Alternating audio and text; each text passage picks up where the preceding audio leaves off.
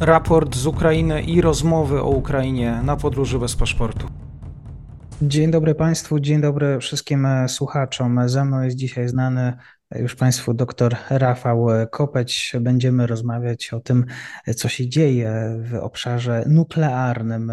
Dr Rafał Kopeć, Uniwersytet Pedagogiczny imienia Komisji Edukacji Narodowej w Krakowie. Dzień dobry, bardzo mi miło. Dzień dobry panu, dzień dobry państwu. Władimir Putin w dzisiejszym orędziu wtorkowym powiedział, że Rosja zawiesza swój udział w traktacie o redukcji broni strategicznej. Traktat New Start. Panie doktorze, co to za e, traktat? Tak, to jest traktat w zakresie kontroli zbrojeń. On dotyczy y, strategicznego uzbrojenia nuklearnego. Tak, kontrola zbrojeń, czyli nie ograniczamy, nie, eliminujemy całej kategorii uzbrojenia, tylko ograniczamy je y, ilościowo lub jakościowo, w tym przypadku głównie ilościowo. Ten traktat zakłada określone poziomy strategicznej broni nuklearnej. Tam jeśli chodzi o głowice, to jest poziom 1550 głowic dla każdej ze stron. On dotyczy tylko Stanów Zjednoczonych i Rosji. Tak? On nie dotyczy innych krajów, tylko tych dwóch supermocarstw nuklearnych, jeszcze, jeszcze nadal supermocarstw nuklearnych jedynych, chociaż to się pewnie niedługo będzie zmieniało. Ten y, mechanizm liczenia jest dosyć skomplikowany, tu nie będziemy wchodzili w takie kwestie bardzo, bardzo szczegółowe, tam między innymi jest taka kwestia dotycząca tego, że y, jeden bombowiec strategiczny jest liczony za jedną głowicę, więc te poziomy tak w rzeczywistości są nieco inne. On dotyczy też y, zarówno głowic, jak i nośników, natomiast dotyczy tak, po pierwsze tylko i wyłącznie strategicznej broni nuklearnej, nie dotyczy broni y, taktycznej, nie ma i nie było żadnego y, traktatu w zakresie kontroli zbrojeń, które dotyczyło, do, który dotyczyłby broni taktycznej. Nie dotyczy też tej broni o zasięgu tak zwanym pośrednim, który obejmowany był traktatem INF, y, już nie, y, już nie funkcjonującym. On w zasadzie całkowicie eliminował tamtą tamtą kategorię broni. Mamy tam dosyć szczegółową też warstwę definicyjną właśnie, co, je, co zalicza się do broni, do broni strategicznej, na przykład jeśli chodzi o pociski balistyczne bazowania lądowego, no to jest tam kryterium zasięgu 5500 km co najmniej, tak, wszystko co jest, e, co osiąga ten zasięg i większy jest zaliczane do broni strategicznej i też e, to jest ważne, jest tam dosyć precyzyjnie określony mechanizm inspekcji. Tak? Każdej ze stron przypada, y, y, każda ze stron mogła przeprowadzić rocznie bodajże 18 inspekcji w dwóch kategoriach. Y, dosyć było to precyzyjnie opisane w tym traktacie, jak te inspekcje mają wyglądać, czego mają dotyczyć, jak trzeba wcześniej zawiadomić drugą stronę i tak dalej to widzenia politycznego, czy, bo tutaj Amerykanie stwierdzili, że ta decyzja o wycofaniu się e, z tego traktatu jest niefortunna, nieodpowiedzialna. Na ile w tym nieodpowiedzialności, panie doktorze? Czy jest niefortunna, nieodpowiedzialna? Ja bym powiedział inaczej. Jest bez większego znaczenia. E, tak może troszeczkę prowokacyjnie, bo oczywiście pojawiają się takie, y, takie stwierdzenia, że Rosja tu grozi tak, rozpoczęciem Y, nowego nuklearnego wyścigu zbrojeń. Y, y, szczerze mówiąc, no, nie wydaje mi się, żeby to była groźba skuteczna w tym sensie, że Rosja no, nie bardzo ma możliwości ku temu, żeby, żeby tym zakresie ze Stanami Zjednoczonymi rywalizować, bo Amerykanie teraz bardzo zdynamizowali wszystkie swoje, rozwój wszystkich elementów swojej triady nuklearnej, tak, czyli zarówno ten element Y, pocisków bazowania lądowego, y, okrętów podwodnych z, y, właśnie z rakietami balistycznymi i bombowców strategicznych, i głowic do nich, pocisków do nich, także tu też nie, nie, nie będziemy tego szczegółowo omawiać, ale jeśli chodzi z punktu widzenia Rosji, moment na rozpoczęcie wyścigu zbrojeń ze Stanami Zjednoczonymi na polu nuklearnym jest bardzo niefortunny. Jeśli byśmy to traktowali w ten sposób, że jest to y, jakiś, jakaś próba wymuszenia ustępstw w, w prawie Ukrainy tak, na, na Zachodzie, na Stanach Zjednoczonych przede wszystkim, y, poprzez zastosowanie groźby roz, rozwoju nowego wyścigu zbrojeń, to wydaje mi się, że ta groźba jest, no, delikatnie mówiąc, mało skuteczna. To mam wrażenie, że, że Rosjanie dosyć rozpaczliwie próbowali, no, po pierwsze, odpowiedzieć na, y, na tą wizytę Y, y, Joe Bidena w, w Kijowie, a po drugie jeszcze może raz spróbować y, takiego właśnie sygnalizowania strategicznego, sygnalizowania nuklearnego, czyli jeszcze raz podkreślić, że no, ta broń nuklearna, ten potencjał nuklearny Rosji jest znaczący i on jest gdzieś na tapecie, tak? czyli gdzieś tam no, nie posługujemy się nim, bo to jest taki już straszek ostateczny, natomiast my tą, tą groźbę próbujemy takim sposobem, no myślę, że niespecjalnie skutecznym zrealizować. Dlaczego myślę, że to jest gest y, bez, no, o znaczeniu symbolicznym i do tego jakby stosunkowo niewielkim. Po pierwsze, kilka czynników możemy wskazać. Po pierwsze, Rosja nie wychodzi z tego traktatu, tylko y, zawiesza uczestnictwo w nim, a tak naprawdę no to zawiesza y, jeden konkretny przejaw, czyli y, ona tu, Rosja odmawia prawa do, Amerykanom prawa do prowadzenia inspekcji, tego, których, tego, o którym wspomniałem. Rosja tu nie mówi, że wycofuje się z tego traktatu i nie będzie go przestrzegała. Tak? Takiego, takiego stwierdzenia nie było. Tak? Czyli na przykład nie, nie deklaruje, że te poziomy broni nuklearnej, które są ustalone w tym traktacie, że nie będzie ich przestrzegała. Po drugie, jeśli chodzi o same te inspekcje, to tak naprawdę one się już od jakiegoś czasu nie odbywają mniej więcej chyba od y, trzech lat. Na początku to, y, y, to tu pretekstem do tego był COVID, a później od, no od czasu rosyjskiej agresji na Ukrainę też, też one no, nie mają miejsca. Po trzecie, ten traktat kończy swoje funkcjonowanie, można powiedzieć. Do, w roku 2026 on, on został zawarty w 2010, w 2011 wszedł w życie na 10 lat i w 2021 na 5 lat, tak do, do 2026 przedłużono jego ważność. No i wydaje się, że nie ma perspektyw na to, żeby, y, no to jeszcze mamy, y, mamy 3 lata jego funkcjonowania tam z okładem i raczej chyba nie ma perspektyw na to, żeby on był przedłużony. Tych perspektyw nie ma nie tylko ze względu na to, że y, no, obecne relacje amerykańsko-rosyjskie wyglądają tak, jak wyglądają, Natomiast y, y, przede wszystkim ze względu na szerszy kontekst, i to jest y, kontekst w postaci Chin i ich zbrojeń nuklearnych. Ten pejzaż państw nuklearnych, mocarstw nuklearnych się zmienia. Mieliśmy dotychczas te dwa supermocarstwa nuklearne. Dla, dla Rosji to był jeden z ostatnich, jeśli nie ostatni atrybut tej supermocarstwowości, której został po, po rozpadzie Związku Radzieckiego. No i cały ten, no można powiedzieć, ten nuklearny plankton, jakby, może niezbyt elegancko, ale tak to możemy określić, jakby, czyli te państwa, które ten poziom, yy, no zwłaszcza ilościowy, tu był no, zdecydowanie mniejszy. Tak? Yy, yy, natomiast i, i do tego nuklearnego planktonu, planktonu zaliczały się przez no, kilka dekad Chiny, natomiast Chiny mówiliśmy już o tym też na, na Pana kanale. Podjęły w ostatnich latach bardzo dynamiczny program rozwoju yy, wszystkich elementów yy, triady nuklearnej.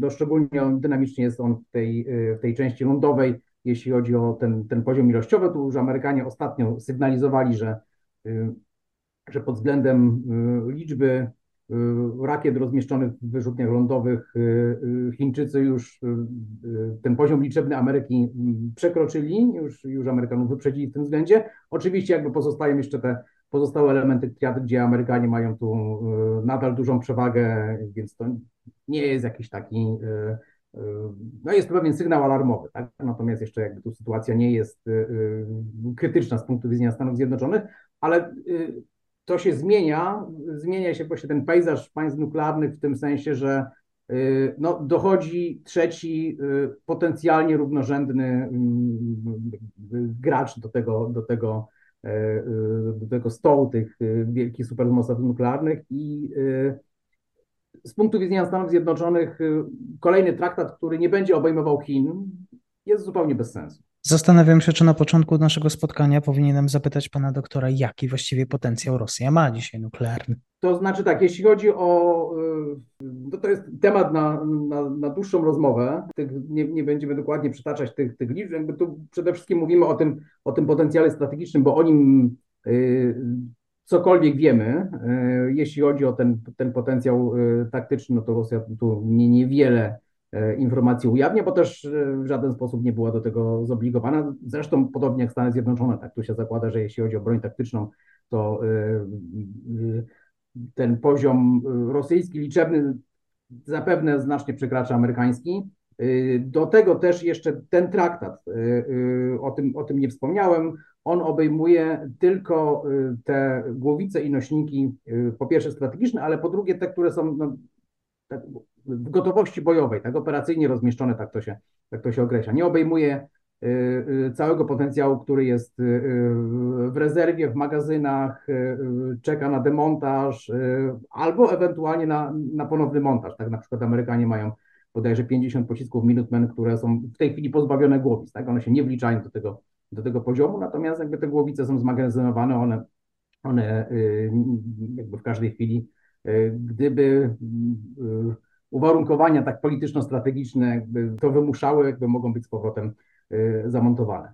Jeśli chodzi o ten potencjał rosyjski, to tu oczywiście jest ta mm, wszystkie elementy strategicznej y, triady nuklearnej, czyli pociski y, bazowania lądowego. Tu akurat Rosjanie mają sytuację nieco inną w stosunku do Stanów Zjednoczonych, czyli to nie są tylko pociski bazujące w Siliosach, ale też na, na wyrzutniach mobilnych, na ciężkich podwoziach kołowych, produkcji białoruskiej notabene, jakby te podwozia. Y, po drugie, y, strategiczne okręty podwodne z, z rakietami balistycznymi, y, no i bombowce strategiczne. Tu, tutaj, jeśli chodzi o konkretne liczebności, no to może taka e, krótka synteza. E, Amerykanie, mm, ten traktat, o którym mówimy, on zakłada pewne, pewne poziomy i obydwa e, z tych państw te poziomy osiągają, czyli osiąg nie, nie przekraczają. I jeśli spojrzymy na liczbę głowic, to, to Rosjanie mają ich nieco więcej. Natomiast jeśli spojrzymy na liczbę nośników, zwłaszcza tych pozostających w służbie operacyjnej, to tu zdecydowaną przewagę mają, mają jednak Amerykanie. I to moim zdaniem jest znacznie ważniejsze, bo tu kwestie głowic, które są y, w gotowości bojowej, biorąc pod uwagę, że mamy y, sporą liczbę głowic, które y, są w rezerwie, ten dystans zawsze można nadrobić. Tak, Amerykanie mają bodajże tych zadeklarowanych w tej chwili około tych 200 głowic mniej chyba. Jak tu mówimy o tych deklaracjach, które y, co jakiś czas y, państwa składają zgodnie z właśnie zapisami traktatu, bo to też jest y, jeden z zapisów właśnie państwa deklarują poziomy wszystkich rodzajów broni, które tam są opisane w tym traktacie, bodajże chyba we wrześniu tamtego roku ostatni, ostatnia taka, taka deklaracja była. Natomiast jakby jeśli chodzi o, o nośniki, tu zdecydowanie mm, przewagę mają, mają Amerykanie ale przede wszystkim jakby ta przewaga jest też techniczna, w takim sensie, że, że wydaje się, że te, te nośniki są zdecydowanie tu y, nowocześniejsze po stronie amerykańskiej. Najprawdopodobniej, bo tego też do końca nie wiemy, y, y, poziom ich sprawności technicznej jest, jest wyższy ze względu na to, że Amerykanie prowadzą cały czas taki tak zwany Live Expansion Program. Zakładamy, tak, że ten, ten arsenał jest w dobrym stanie technicznym, natomiast jeśli chodzi o Rosję, no to możemy tu przypuszczać, że y, no, nie jest tak różowo. Y, do tego jeszcze to jest y, rzecz może często pomijana, ale, ale dosyć ważna. W przypadku Stanów Zjednoczonych te, ten arsenał jest stosunkowo jednorodny, czyli tam jest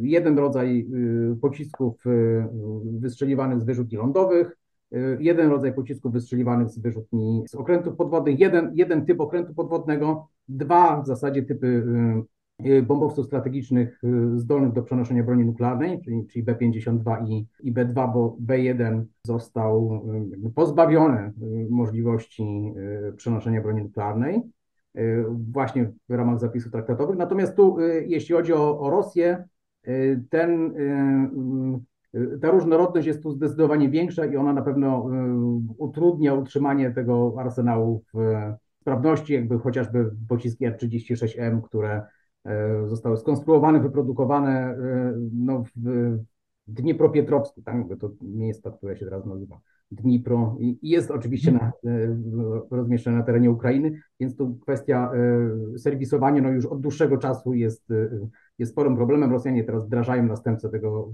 tego pocisku, natomiast y, ogólnie y, mamy mniej więcej parytet liczebny, y, natomiast szacunkowo, jeśli chodzi o, o, o, nowoczesność całego arsenału, o o jego sprawność, gotowość bojową, a przede wszystkim perspektywy rozwojowe, to uważam, że tu mamy zdecydowaną przewagę mhm.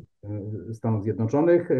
No i ten nowy element w postaci Chin, nowy, jeśli chodzi o, o państwo, które jakby potencjalnie będzie miało parytet nuklearny z tymi, z tymi supermocarstwami nuklearnymi albo supermocarstwem nuklearnym. Zobaczymy tylko, czy to, czy, czy Chiny gdzieś tam nie zastąpią w dłuższej perspektywie Rosji w tej, tej układance. Także pod tym na, na tym polu y, strategicznej broni nuklearnej. Tak, y, ja zachęcam Państwa do tego, żeby też odsłuchać naszych poprzednich rozmów, bo dr Rafał Kopeć już gościł na podróży, w rytm również publikacji książki y, pana doktora. Może jeszcze pytanie na zakończenie. Norweska służba wywiadu w swoim ostatnim raporcie miała poinformować, że Rosja po raz pierwszy od 30 lat rozmieściła na Morzu Bałtyckim okręty uzbrojone w broń atomową. To takie mocne informacje, wzbudzające wyobraźnię wśród również i polskich e, czytelników. Szczerze mówiąc, nie wiem dokładnie na ile te informacje się potwierdziły, bo też e, e, doszły do mnie te, te informacje powiedzmy sprzeczne, więc nie wiadomo na ile, na ile to rzeczywiście jest. Natomiast tu chodzi bardziej o, o tą broń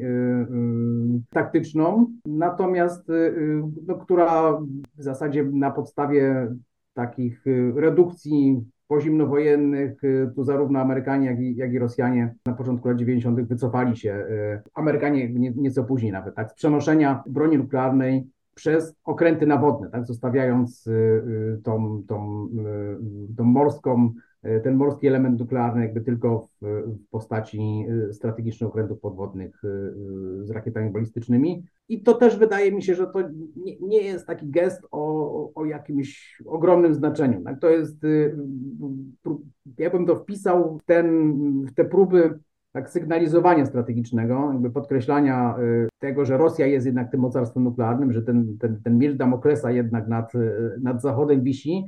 Natomiast wiele więcej za tym, y, y, za tym nie idzie. Tak? To, to, to nie znaczy, że tu gdzieś mamy y, bliżej do decyzji politycznej o użyciu tej broni nuklearnej, czy, czy że to jest, no w jakiś sposób nam to znacząco zwiększa takie bezpośrednie, bezpośrednie zagrożenie. Tu państwa mają generalnie dosyć duży dylemat, jak realizować to, to sygnalizowanie nuklearne, ze względu na to, że z jednej strony muszą podkreślać y, gotowość do użycia tej broni, ale z drugiej strony no, nie mogą jej użyć, tak? Y, y, jeśli to ma pozostać tylko na etapie groźby i być narzędziem no, wymuszania pewnych decyzji politycznych. Więc wpisałbym to właśnie w ten, w ten mechanizm, tak go wydaje się należy rozumieć. Bardzo dziękuję za dzisiejsze spotkanie, wyjaśnienie również na gorąco, sporo się dzieje, więc również za dyspozycyjność Państwu. Dziękuję za obejrzenie. Doktor Rafał Kłopeć, kłaniam się. Dziękuję bardzo.